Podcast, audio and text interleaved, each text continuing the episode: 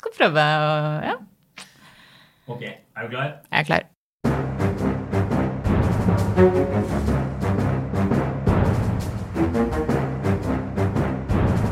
Da kjører vi på med en spesialutgave av Aftenpodden USA, som jeg må si har gledet meg mye til. Jeg er altså USA-korrespondent Øystein Langberg, og jeg sitter her på et hotellrom i Midtown på Manhattan med selveste utenriksminister Ine Eriksen Søreide. Velkommen. Tusen takk. Og du er jo i byen fordi det er FN-uke, mm. eller høynivåuke, da, som dere kaller det så fint. Og jeg tenker, For de som aldri har vært med på det her, så kan man jo kanskje forklare det som en slags Er det en Roskilde-festival bare for internasjonale toppolitikere?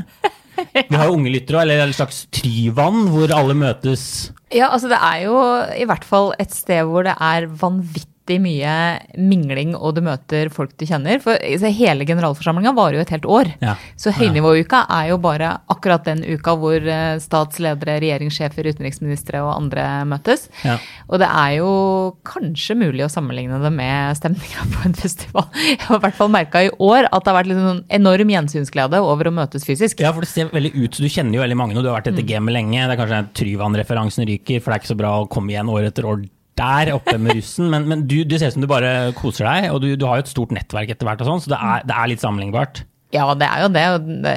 Utenrikspolitikk er jo utrolig mye relasjoner. Ja. Det er, eh, På godt og vondt, da, så er det veldig mye relasjoner. Og det at jeg har vært eh, i det miljøet her i så mange år, eh, først som leder av utenriks- og forsvarskomiteen, og så forsvarsminister og nå utenriksminister, gjør jo at eh, jeg etter hvert kjenner veldig mange. Og så er det noen som, har vært, eh, som jeg har vært kollega med helt siden jeg var forsvarsminister også, og som nå er utenriksminister. Så det er veldig gøy. Ja, nemlig. Og, og du kjenner byen godt. Vi må si da, vi sitter på et hotellrom, et ganske trangt hotellrom i Midtown, rett ved FN-bygningen. Og du må være en av de som kan dette kvartalen her best. Kanskje Norges fremste ekspert på det området her. I hvert fall en av de. Altså Har du en sånn fast ting du må gjøre når du kommer til en by? Noen butikker eller restaurant, et eller annet du må bare innom? Ja, jeg, altså jeg har vært veldig veldig mange ganger i New York, både på jobb og privat. Det er virkelig en av mine desiderte favorittbyer. Og det er jo også en av de få byene og de få stedene jeg klarer å finne fram på egen hånd. Jeg har jo ikke retningssans overhodet og veldig dårlig stedsans, men i New York så er jeg Her har jeg kontroll. Eh, og så har jeg noen områder som jeg har vært mye i. og så har jeg noen venner som bodde i nærheten av Columbus Circle, altså på det ene hjørnet av Central Park, så å si. Ja. Så der har jeg vært veldig mye. Og der, eh, dit kommer jeg alltid tilbake til. Jeg må alltid tilbake dit når jeg er i New York. eh, Og kanskje særlig på min favorittrestaurant som er Fiorellos. Det er en veldig koselig italiensk restaurant som ligger rett over gata for Metropolitan, og som er et sted hvor sant, folk har sånne små messingskilt i båsene ikke sant, på hvem som eh, er der ofte, og liksom har de båsene, og ofte går på Metropolitan og Ja. på Lincoln Center og kommer over dit og spiser før eller etter forestilling og sånn. Så det er et helt sånn sydende liv. Veldig, veldig, veldig italiensk, og helt nydelig pizza. ja. Så når nordmenn nå kan, nå kan de reise til USA igjen. Det Ja. har dere klart å fikse mens dere har vært her. og åpne de Så grensene. regjeringa leverer. Da er det Fiorellos som gjelder. Det er det store tipset. Fiorellos er i hvert fall en av mine absolutte favoritter. Men det er jo så, det er jo så sjukt mye restauranter og sånn i New York. Men, Ja. men det er liksom et sted jeg alltid kommer tilbake til. Ja. Dette er jo en USA-pod, så vi må snakke litt om forholdet mellom Norge og USA. eh, Og litt seriøst. Det er mye seriøst å si om det. Men jeg lurer på først, altså, hva slags forhold har du på en måte, selv til dette landet? Nei, Jeg har et veldig sånn, varmt forhold til USA. Jeg har alltid vært glad i USA. Og så har jeg jo fått muligheten til å reise rundt andre steder enn New York og Washington. Ja. Og jeg tror, og det veit jo du veldig godt, eh, og merker sikkert akkurat på samme måte, at liksom, New York er jo ikke USA. Nei. Eh, Washington er ikke USA. Nei. så hvis du skal skjønne USA, Ja. så må du helt andre steder. Eh, sant? Hvis man f.eks. skal skjønne hvorfor Donald Trump vant valget, Ja. så finner du ikke svaret i New York eller Washington. Tvert imot. Eh, så, så du Så du må burde kanskje komme deg på et Trump-rally, da? Nå er det kanskje litt sent? Nei, det er ja, ikke for sent, ja, han er- holder jo visstnok fortsatt Ja. eh, rallies, men med mye mindre oppmerksomhet enn det pleide å være. Ja. Men, men jeg tror det er litt sånn nøkkelen til å skjønne at um, når, når vi i Europa syns det er veldig rart hvordan de politiske strømningene i USA er, Mm. eh, så er det jo nettopp fordi at det USA de fleste europeere har et forhold til, det er på en måte å reise på ferie til New York. Ja. Og da er det helt umulig å forstå hvorfor de politiske strømningene er der. Ja, og eller, Jeg har lyst til å spørre deg først. altså, Jeg har alltid tenkt meg selv, jeg har vært europakorrespondent i tre år, og tenkt meg selv som veldig sånn eurofil. og så har jeg vært litt i USA nå, og jeg har blitt gladere og glad i det landet her, så jeg er litt usikker på hvor jeg står, da, om jeg er mer eurofil enn amerikaelsker. Hva, hvor står du, da? Det virker jo som mange nordmenn er i hvert fall veldig fascinert av det landet her. Ja, og jeg tror det er akkurat det som er greia, at man blir veldig fascinert av landet. Eh, det er, sant, når du er i, i, New York eller hvor som helst ellers i USA f.eks., så, så er jo det å se på folk og se på livet er jo en ja. veldig annen opplevelse enn når du gjør det på Karl Johan f.eks. Du sitter ute på kafé på Karl Johan. Eh, for det rommer så vanvittig mye. Ja. Eh, og det rommer liksom det ekstreme på begge sider. Det er alle mulige meninger, alle mulige typer mennesker. Mm. Um, og det er jo virkelig også landet hvor man har alle muligheter, men det, det er samtidig landet hvor uh, det går ordentlig gærent hvis det går gærent. Så det så, det er så, voldsomme utslag av allting, og det er veldig fascinerende å oppleve. Ja, jeg, I kortere perioder, kanskje? da? Ja, i, i, kortere perioder. Men jeg er jo også ekstremt glad i Europa, så jeg tror jeg kanskje er litt som deg. at det, ja. det er sånn begge deler er fascinerende. Begge deler har eh, store hva skal vi si, oppturer og er veldig spennende og masse ulikt. Eh, og jeg tror nok at liksom, de som også studerer amerikansk politikk, opplever også at du F.eks. i Det demokratiske partiet så kan du jo stappe inn hele den norske partifloraen. For eksempel. så det er jo også, det er også noen politiske sider og strømninger som, som, både er fascinerende, men akkurat nå også ganske skremmende. må jeg bare si. Det skal vi komme litt tilbake til, fordi altså, USA er et land vi uten å nøle kaller vår viktigste allierte. Mm. I hvert fall dere i Høyre kaller vår viktigste allierte. og det har vært noen veldig turbulente år, og så har Joe Biden tatt over. Han har sagt USA er tilbake. Han vil gjenoppbygge relasjonen med Europa. Han gjentok dette i FN den uka her. Og så ser vi samtidig at det er veldig mange knuter på tråden, kan vi si. Afghanistan skapt voldsom debatt. Eh, noen mener Biden har oversolgt dette som en ekstraordinær suksess. Europeiske land har brukt helt andre, andre ord. Straffetollen på stål, eh, aluminium, er fortsatt der. Trumps proteksjonistiske politikk.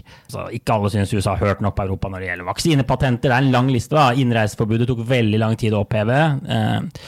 Ubåtsaken har eksplodert nå mellom Frankrike og USA. De kaller hverandre, altså Frankrike kaller USA altså, omtaler som løgner, svik, dobbeltspill. Det er ikke noe man ofte hører fra diplomater. Så jeg lurer på, altså, har USA, rett og slett, nei, har Europa en grunn til å være skuffet over Biden til nå? Jeg tror først og fremst det handler om å ha en realistisk tilnærming til hva USA er og hvor USA er nå. Og jeg husker jeg sa det mye i forbindelse med valget. At det Biden kommer til å gjøre mest, er å konsentrere seg om innenrikspolitikk. Han mm. kommer til å måtte håndtere pandemien og konsekvensene av den, bygge opp igjen økonomien og, og forsøke å samle et utrolig splitta land, som jo bare blir på mange måter mer og mer splitta. Mm. Uh, og det er jo det han gjør, og det er det han har gjort. Og det, ikke, det bør liksom ikke være overraskende for noen. Og samtidig så har det jo kommet tilbake på veldig mange viktige områder internasjonalt. Det ene er på menneskerettigheter og demokrati. Og de vil jo nå gjerne inn i Menneskerettighetsrådet igjen. Mm. Eh, har lot være å melde seg ut av Verdens helseorganisasjon likevel. De er tilbake igjen som eh, finansiell giver for Palestina. Altså de har liksom De har tatt en del eh, De har reversert en del av politikken til Trump på en del områder. Men ja. så er det andre områder hvor de ikke har gjort det. Eh, og det gjelder jo kanskje særlig et av de områdene hvor vi er veldig uenige, og hvor vi har anlagt sak mot USA i WTO. Og det er jo knytta til akkurat den tollen du nevnte på stål og aluminium. Ja. Men de som kaller altså min kollega Kristina Pletten, som har fri i dag, hun, hun, har kalt Biden for en Trump i fåreklær. Du har sett andre trekke lignende sammenligninger. Altså, forstår du at du sier sånne ting? Ja, men jeg syns ikke det er grunnlag for det. For det er klart, det, det amerikanerne har gjort nå, f.eks. når det gjelder konsultasjon med allierte, er jo noe helt annet enn det det var under mm. Trump. Og så betyr jo ikke det alltid at man kommer til å være enig, men det betyr at man kan diskutere ting på forhånd. Man vet mer hva som kommer. det er en, eh, si, Dialogen er bedre på, på, veldig mange områder. Og så tror nok jeg også at eh, det har vært en del både kriser og situasjoner som også for amerikanerne har vært eh, eh at de har kommet brått på, eller at de ikke planla å bruke tid på akkurat det akkurat da. De hadde mm. en, en litt annen plan. og så opplever jeg nok at det er en, en stor vilje til både å snakke sammen, men de er også veldig på jakt etter våre vurderinger av ting. Og det er jo noe vi veldig gjerne gir. Ja. Og, det må jeg jo si at altså jeg har jo nå i eh, Ja, jeg har jo vært i regjering i åtte år. Så jeg har jo hatt til sammen eh, tre forsvarsministre og tre utenriksministre på amerikansk side. Ja. Eh, veldig fine folk alle sammen. Men det er klart at jeg, jeg tror nok at veldig mye av det vi, vi liksom ser nå og har sett de siste månedene med, med Biden, er et utslag av altså at USA er på mange måter også uh, i en utrolig vanskelig situasjon hjemme. Ja, Så gi Eh, dem litt tid på ja, av de jeg- er det du tenker? Det de tror jeg kan ikke- nok kan være lurt, ja. Ja. Mm. Så vi må jo snakke litt om mannen som var Bidens forgjenger, Donald eh, Trump. Jeg vil gjerne starte med en ting jeg lurer veldig på. For Trump er jo ingen fan av Sverige, det har han gjort klart flere ganger. Eh, jeg bodde jo i Brussel noen år, han kalte det hell hole da jeg var i Brussel. Det var det ikke alle som tok så, så godt opp. Tyskland hadde litt vondt forhold til Tyskland, Angela Merkel. Og så var du og statsministeren på besøk i Det hvite hus, og noen dager etterpå så, så, så kalte han en god del land i verden for, for shithole countries. Men så la han noe til noe som vakte litt oppsikt, og det var at han gjerne ville ha flere immigranter fra Norge. Han var tydeligvis utrolig glad i Norge, Donald Trump. Så, så, så først, hvordan liksom, reagerte du da du så disse både Norge-rosen og da disse andre landene som ble stempla på den måten? Det, det, det var jo en helt utrolig spesiell seanse. Vi var jo fortsatt i USA, eller jeg var i hvert fall i USA, for jeg hadde reist videre hit fra Washington fra Ja. Og det å liksom våkne til den nyheten på- CNN var et litt sånn lett absurd øyeblikk, kan jeg fortelle. Men samtidig så tror jeg det hadde litt å gjøre med at sant, vi hadde nettopp vært i Det hvite hus. Ja, hva var det sa Hadde- inne på det møtet som som Trump bare begynte å elske Norge? Ja, hva skal man si? Nei da. Eh, altså, han var jo på det møtet en, en veldig god vert. Altså, han gjorde virkelig det han kunne for at det skulle være et, eh, et hyggelig møte og, og sånn. Og vi, det er klart, Norge og USA samarbeider veldig nært på veldig mange områder. Og vi har en lang historie også, med nordmenn som kom til USA og som slo seg ned her. Og vi, det er vel fortsatt sånn at det er flere eh, amerikanere med norsk bakgrunn her enn det Mm. fins norske Nordmenn, ja. altså nordmenn i, i Norge. Og, og det er klart det er veldig sterke bånd. Og det jo også han, var jo også han veldig klar over. Og så samarbeider jo på mange områder som, som er viktige for begge land. Så jeg tror liksom det kanskje spilte litt inn. Det må ha presentert på en måte som gikk inn, da. Ja, det gjorde vi kanskje. Og så, ja, så var det Men, men det var ganske surrealistisk å oppleve den, eh, den saken. Og sant, telefonen bare ringte i ett, og alle skulle ha kommentarer på hva hun syntes om det. Og så snakka jeg med eh, Jim Mattis eh, like etterpå, Som var eh, forsvarsminister. som var forsvarsminister, ja. Og, og jeg hadde jo nettopp um, blitt utenriksminister da det her skjedde. um, så, men jeg hadde- jo fortsatt god kontakt med, med Mattis. Og da, han fortalte at da han hadde sett den saken, så hadde han bare liksom Trekk dyna over huet og bare tenkt hva, hva er dette her?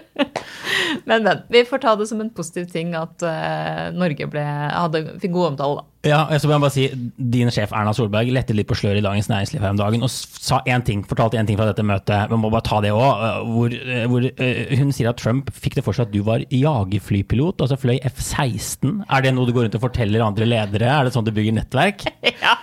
Utenriksminister om dagen, jagerflypilot om natten. Altså, you know. Nei, jeg tror det, det bygde nok på en ørliten misforståelse. Ja, Eh, men For du flyr ikke jagerfly? Nei, jeg gjør ikke det. Jeg er veldig glad i å fly. Ja. eh, Og jeg begynte å ta flytimer for å ta småflylappen. Men eh, den jobben her eh, har- gir deg ikke veldig mye fritid, for å si det sånn. Nei. Så har jeg hatt, Da jeg var forsvarsminister, så hadde jeg en baksetetur i F-16. eh, Og det var jo veldig Jeg syns jo det var fantastisk. Men så kom vi inn på eh, spørsmålet om eh, kampfly og kampflykjøp osv. Og, så videre, og så overlot Erna ordet til meg og sa at det er det veldig lurt om du spør Ine om, for hun har nettopp vært forsvarsminister. Ja. Eh, og vi merka jo også veldig godt at han var kjempeinteressert i alt som var konkret og praktisk, altså som eh, kampfly og ubåter og, og den type ting. Og så spurte han om jeg hadde flydd F-16, og da måtte jeg jo svare at det hadde jeg gjort, liksom i baksetet og sånn. Men jeg tror ikke han, han helt la vekt på bakseteperspektivet. Nei. Nei. Nei. Så det var, ble nok til at han trodde at jeg fløy eh, jagerfly på Han kveldstid. syns sikkert det var ganske kult. Eh, Det er, er jo ganske kult. Say hello to a new era of mental health care. Cerebral is here to help you achieve your mental wellness goals with professional therapy and medication management support. 100% online. You'll experience the all new Cerebral Way, an innovative approach to mental wellness designed around you. You'll get a personalized treatment plan from a therapist, prescriber, or both in a safe and judgment free space. Your Cerebral therapist or prescriber will outline a customized plan with clear milestones along the way so you can get to feeling your best. With Cerebral, you're not alone in your mental health journey. We're here to empower you to live a fulfilling life. So take that first step towards a brighter future and sign up today at cerebral.com slash podcast and use code ACAST to get 15% off your first month. Offer only valid on monthly plans. Other exclusions may apply. Offer ends July 31st, 2024. See site for details. When you're ready to pop the question, the last thing you want to do is second guess the ring. At Bluenile.com, you can design a one of a kind ring with the ease and convenience of shopping online. Choose your diamond and setting. When you find the one, you'll get it delivered right to your door. Go to Bluenile.com and use promo code LISTEN to get $50 off your purchase of $500 or more. That's code LISTEN at Bluenile.com for $50 off your purchase. Bluenile.com code LISTEN. Men jeg har også lyst til å spørre deg noe bare litt mer, litt mer seriøst. Fordi Norge og andre land var jo veldig raskt ute med å gratulere Joe Biden etter at nyhetskanalene sa at han hadde vunnet valget. Men så kom en ganske lang periode fram mot 6.1 hvor jeg i hvert fall oppfattet som relativt sånn stille, selv om Trump fortsatte og fortsatte og fortsatte og prøvde å undergrave valget. Og så kommer 6.1 og stormingen av Kongressen.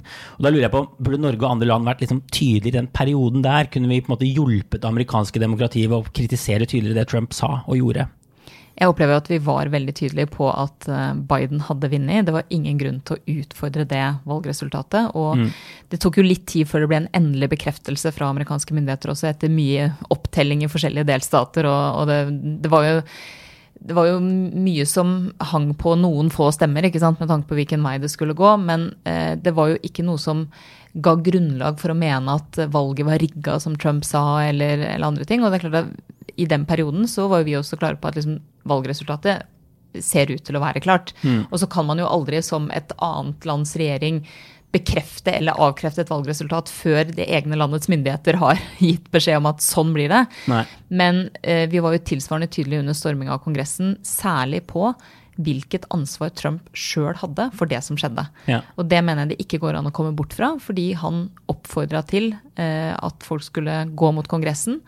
Han hadde i lang tid gitt sine supportere et klart inntrykk av at eh, her var valget rigga.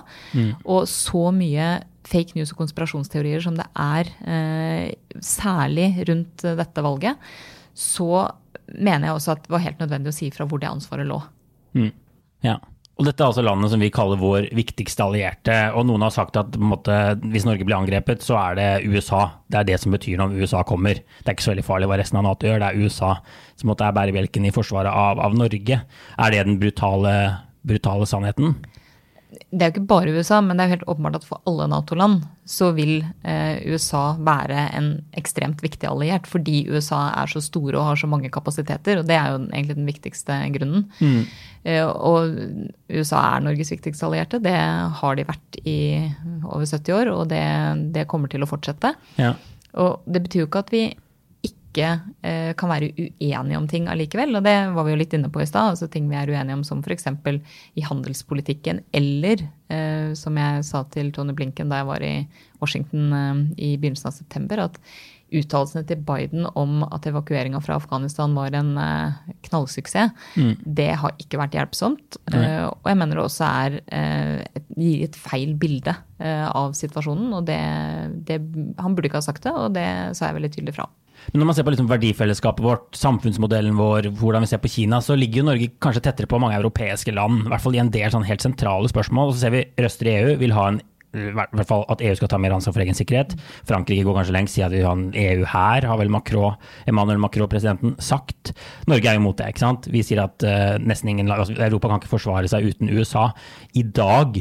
Men betyr det at også må være sånn fremover? Legger vi ikke ekstremt mye måte, egg i én kurv i et land som du selv omtaler som så polarisert, nærmest litt ustabilt?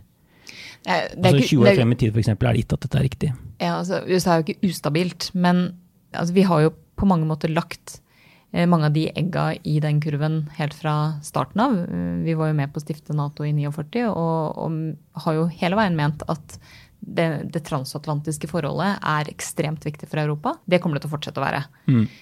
Og, og, det er jo også sånn at når Europa investerer mer i eget forsvar, så er jo det også fordi det gjør Nato som allianse sterkere. Det har vi jo vært opptatt av hele veien, og det er jo også en av grunnene til at vi har økt forsvarsbudsjettene så mye og, og gjort moderniseringer og investeringer. Mm.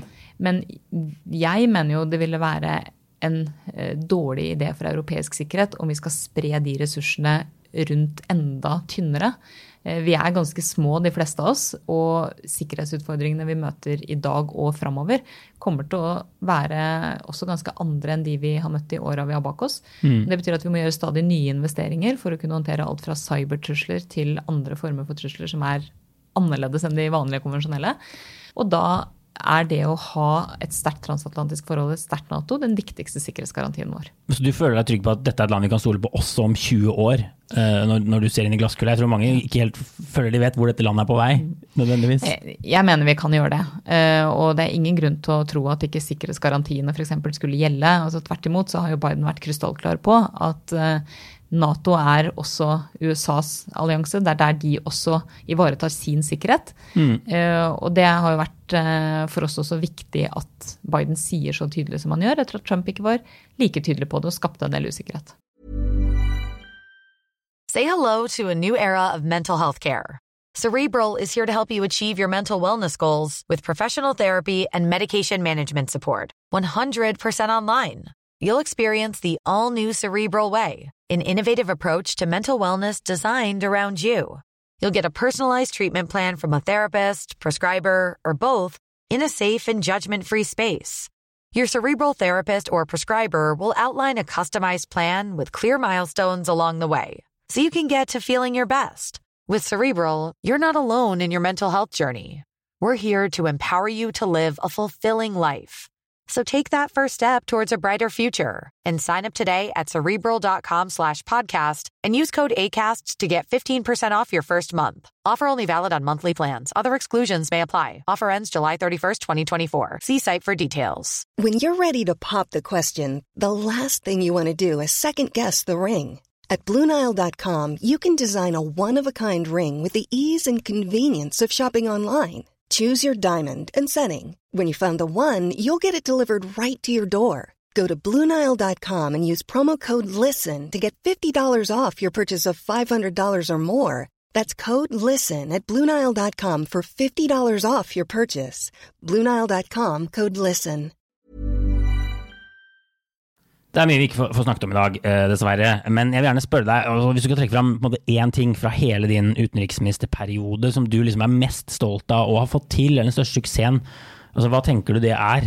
Jeg har liksom ikke begynt helt på den der se tilbake. Nei, den, Nei. den ligger nok litt fram i tid. Men jeg må jo si at eh, det at vi kom inn i Sikkerhetsrådet har vært uh, utrolig bra. Det har måtte løfta hele utenrikstjenesten. Og det har vært en utrolig, og er en utrolig lagånd overalt. Ja. Helt fra FN-delegasjonen her og i Genéve til utestasjoner i land som står på Sikkerhetsrådets agenda, til teamet vi har hjemme i UD i Oslo som uh, samordner, og alle avdelingene og seksjonene som holder på. Ja. Og, det, og, det, blir et veldig sånn omdreiningspunkt. Og så var det etter min oppfatning også også en veldig fin måte for Norge å fornye bånda til mange land som vi kanskje ikke har hatt like mye kontakt med de siste åra. Mm. Eh, og det at vi snakker med alle, det gjør vi nå også, ikke bare da vi hadde kampanjen, gir oss utrolig mye verdifull informasjon. Og det gir oss en fantastisk mulighet til å ivareta norske interesser på en god måte. Så jeg, jeg mener at Sikkerhetsrådet og, og, det vi gjorde rundt det, har vært utrolig viktig. Men det er jo selvfølgelig masse andre saker også som, eh, som vi kan ja, trekke fram. Og det kan vi sikkert lese om i noen memoarer og sånn, men det er jo gøy å vinne valg, og Norge vant jo et valg ja. i Sikkerhetsrådet. Og så tapte dere jo et valg nå. Det skal det ikke være noen festbrems, men, men, du er jo tydeligvis inne i dine siste uker som, som utenriksminister. Um, så jeg lurer på bare til slutt, altså, Er det én ting du gjerne skulle visst, eller da du tok over, som, som du kan gi som et råd til nestemann? Eller har du liksom tydelig råd til nestemann eller neste dame? da? Mm. Vi får se hvem det blir. Oh, det det, kan være både praktisk, men også politisk. ja. ja. kanskje ett praktisk og ett uh, politisk råd, da. Um, det praktiske rådet er uh, at jeg veldig ofte, særlig på sånne lange reiser som her, hvor man skal være i mange dager, så pleier jeg å ta med meg noen eh, ekstra og lette kleshengere, for det er alltid ja. for lite kleshengere på rommet. Ja. Og du, har, du, må jo ha med deg ganske mye klær. Du skal jo være ute i offentligheten og representere hele tida, så du må jo se sånn noenlunde shipshape ut. Ja. Det er greit å ha med seg noen ekstra kleshengere. Det var det praktiske rådet, tenker jeg. Og jeg har masse sånne praktiske råd på flytur og sånn, men det, det, Det kan er dere nok- ta dere imellom og kanskje utveksle. Absolutt. Men dette kan Under alle Det er råd som gjelder alle, ikke bare utenriksministre. Ja, det er kleshengere på Absolutt. lette. Dette er et veldig universelt råd Ja, som eh, mange kan ha glede av. Eh, og når det gjelder eh, andre råd, så er jo min eh, klare erfaring eh, også fra forsvarsministertida, er at du må faktisk bruke og sette av mye tid på å være godt forberedt. Og særlig til de første møtene du skal ha med de viktigste landene for Norge. Eh, da er det avgjørende at du er godt forberedt. Og og det har jeg jo likt å gjøre i alle sammenhenger, og, og forsøke å forberede meg så godt som mulig. Også for å være forberedt på det som du kanskje ikke tenker kommer. Ja. Eh, og det å, å lese, diskutere, snakke seg gjennom ting. Og, og det Ja. Også, man skal ikke undervurdere verdien av å stå opp tidlig om morgenen. Nei, det, jeg må bare spørre ett spørsmål om, om det. fordi da, da vi kom hit, eh, vi, vi journalistene, så møtte vi jo dere ganske, altså vi møtte dere sent på kvelden amerikansk tid. Da hadde dere nettopp kommet hit. Det må jeg bare si jeg var litt imponert over. Da møter vi dere ja, det som er to-tre-tiden norsk tid, og dere gjør lange intervjuer med alle sammen. Og så hørte jeg dere gikk ut og spiste en svær middag etter det. Altså, Hva er, hva er liksom trikset ditt på jetlag? Er det, er det bare koffein? Nei, nei, nei, nei, jeg drikker jo ikke kaffe. Nei. Så jeg, det, jeg går ikke på koffein i det hele tatt. Men jeg, jeg tror at særlig i USA så drar jeg litt nytte av det at jeg jo står opp veldig veldig tidlig normalt. Ja. Sånn at jeg snur egentlig aldri døgnet helt, hvis du skjønner. Nei. Nei. Sånn at eh, det går fint. Ja, nemlig. Ja, ok, Så du bare står opp sinnssykt tidlig. Mm. Ja. Men du har jo ganske lange kvelder, og det blir bare Ja. kanskje lite søvn. da. Det er trikset. Ja.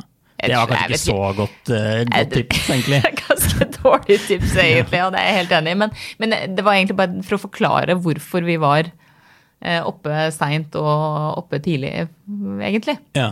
ja. Mm. Ok. Vi, vi, vi tar det med oss. Du, jeg bare lurer på, Vi har jo en runde med obligatorisk refleksjon i disse podene normalt. Absolutt. Jeg klarer ikke å reflektere to ganger i uka, så jeg har ikke så mye spennende å komme med nå. Men jeg tenker kanskje du har et eller annet tips til, eh, til lytterne. Ja, eh, det, det kommer litt an på hvilken kategori du er på jakt etter tips. Altså Det er veldig veldig sånn høyt under taket på obligatorisk refleksjon. Det kan være mm, en ting de bør se på TV, en bok de bør lese, det kan være hva som helst. Ja. En butikk de bør besøke. ja. Nei, jeg må nok si at en, eh, det livet jeg lever, gjør at jeg får ikke lest så mye bøker og sett så mange serier og filmer og sånn. Det Nei. må jeg innrømme at det er eh, noe jeg veldig veldig gjerne skulle gjort mer av, som jeg kanskje får litt bedre tid til etter hvert. Men jeg har sett én serie uh, i det siste eller som jeg har begynt å se, som bare er helt fantastisk. Den er ikke fra liksom, 2021, den er et par år gammel. Ja. Men The Kaminsky Method, den Ja. anbefales veldig varmt. Og det er Michael Douglas som både spiller hovedrollen og er uh, regissør. Og den er uh, helt fantastisk morsom, varm, trist. Og, og det er Nei, den er kjempemorsom. Ja, det var et bra avsluttende tips. Da må jeg bare si tusen takk. Det ser ut som dere har dårlig tid. Rådgiverne sitter Vi er veldig mange på dette hotellrommet, kan jeg bare fortelle. Så det var alt vi rakk for denne gang. Eh, tusen takk for at du tok deg tid til å, å snakke med oss. Og så til lytterne vil jeg bare si at vi er tilbake igjen neste uke. Så ha det bra. Ha det bra. Botox Cosmetic, out of botulinum toxin A, FDA approved for over 20 years. So, talk to your specialist to see if Botox Cosmetic is right for you. For full prescribing information, including boxed warning, visit BotoxCosmetic.com or call 877-351-0300. Remember to ask for Botox Cosmetic by name. To see for yourself and learn more, visit BotoxCosmetic.com. That's BotoxCosmetic.com.